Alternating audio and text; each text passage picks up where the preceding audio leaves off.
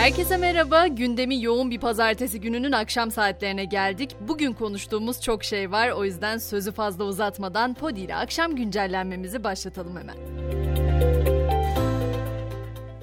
Bugünün belki de en çok konuşulanı Altılı Masa'nın uzlaşmaya vardığı Ortak Politikalar Mutabakat metni bugün düzenlenen basın toplantısıyla kamuoyuyla paylaşıldı ve haliyle ayrıntıları da belli oldu.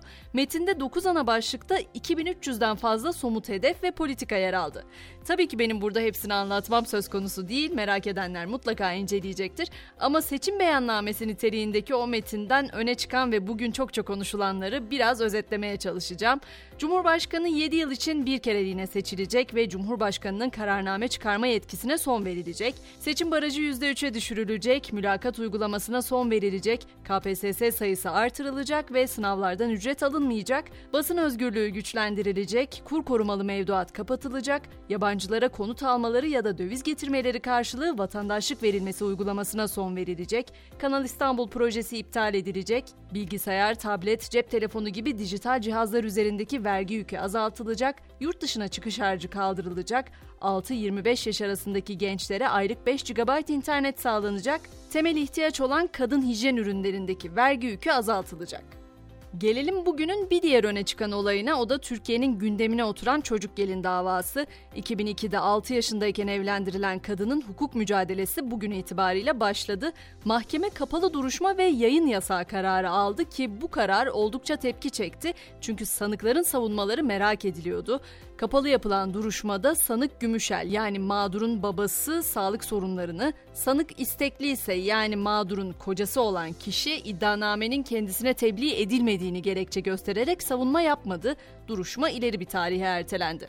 Bir diğer duruşmadan da hemen söz edeyim. Onu da sahte doktor olarak biliyoruz. Ayşe Özkiraz da ikinci kez hakim karşısına çıktı. 13 yıla kadar hapsi istenen Özkiraz'ın tahliye talebi reddedildi. Bu duruşmada 21 Şubat'a ertelendi. Bugün sabah saatlerinde ise Boğaziçi Üniversitesi kampüsü hareketliydi. 30 yılı aşkın süredir hizmet veren Boğaziçi Üniversitesi Mezunlar Derneği Sarıyer Kaymakamlığı'nın kararıyla bugün polis eşliğinde tahliye edildi. Akşam saatlerinde ise mahkemeden tahliye işleminin durdurulmasına dair yürütmeyi durdurma kararı geldi. Hemen biraz da ekonomi başlığını aralayalım. Özel sektör henüz yeni yılın zamlı maaşlarını alamadı ama alamadan sınır altında kaldı. Türk İş Açlık ve Yoksulluk Sınırı Araştırması'nın Ocak ayı sonuçlarını açıkladı. 4 kişilik bir ailenin gıda için yapması gereken asgari harcama tutarı yani biz onu açlık sınırı olarak biliyoruz 8864 liraya çıktı. Aynı ay konut, kira ve ulaşım gibi giderleri de kapsayan yoksulluk sınırı ise 28.874 lira olarak hesaplandı. Sanayi elektriğine ise %12 bir indirim gelmişti hatırlarsınız. Şimdi konut, elektrik ve doğalgazına da indirim bekleniyor. Enerji Bakanı Dönmez'den doğalgaz ve elektrikte indirim sinyali geldi. Dönmez fiyatlardaki düşüş sürerse Mart'ta indirime gidileceğini söyledi.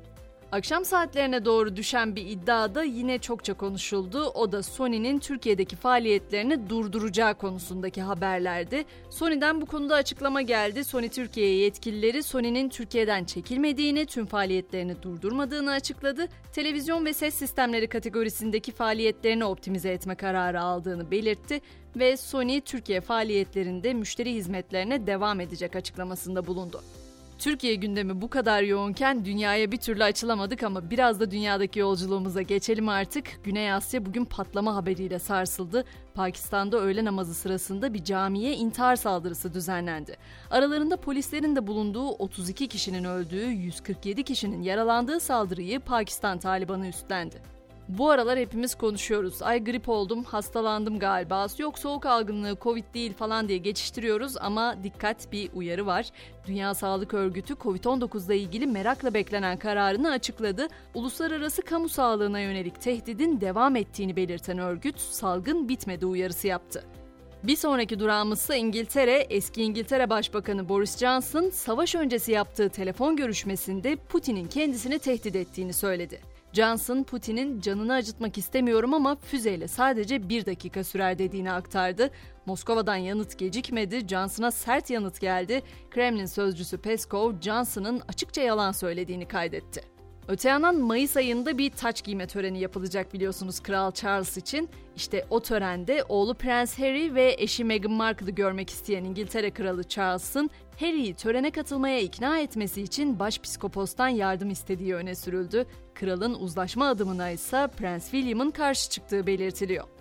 Gelelim spor dünyasına orada da hareketli gelişmeler var. İspanya Kral Kupası'nda yarı final eşleşmeleri belli oldu. Kupada yarı final adeta El Clasico'ya sahne olacak. Daha önce 31 kez Kral Kupası'nı kazanarak turnuvanın en başarılı takımı olan Barcelona, yarı finalde 19 defa kupayı müzesine götüren Real Madrid'le eşleşti. Bu haber ise pota ile beyaz perdenin kesişim noktası diyebilirim. Pek çok NBA hayranı için Michael Jordan tüm zamanların en iyi oyuncusu kabul ediliyor. Onun spor markası Nike'la olan işbirliği de neredeyse NBA kariyeri kadar efsanevi. İşte Jordan'ın Nike'la milyon dolarlık sponsorluk anlaşması şimdi film oluyor. Film projesinde Ben Affleck ve Matt Damon gibi ünlü isimlerin yer alacağı belirtiliyor. Ve noktalarken günü sendromlu geçirenleri unutmuyorum. Mottomuzu onlar için bırakalım istiyorum. Ve diyorum ki unutmayın zor zamanlarınız, acılarınız ve aldığınız dersler bir gün gücünüz, farkındalığınız ve nimetiniz olacak. Ben Gizem, sabah 7'de tekrar görüşünceye kadar herkese mutlu akşamlar.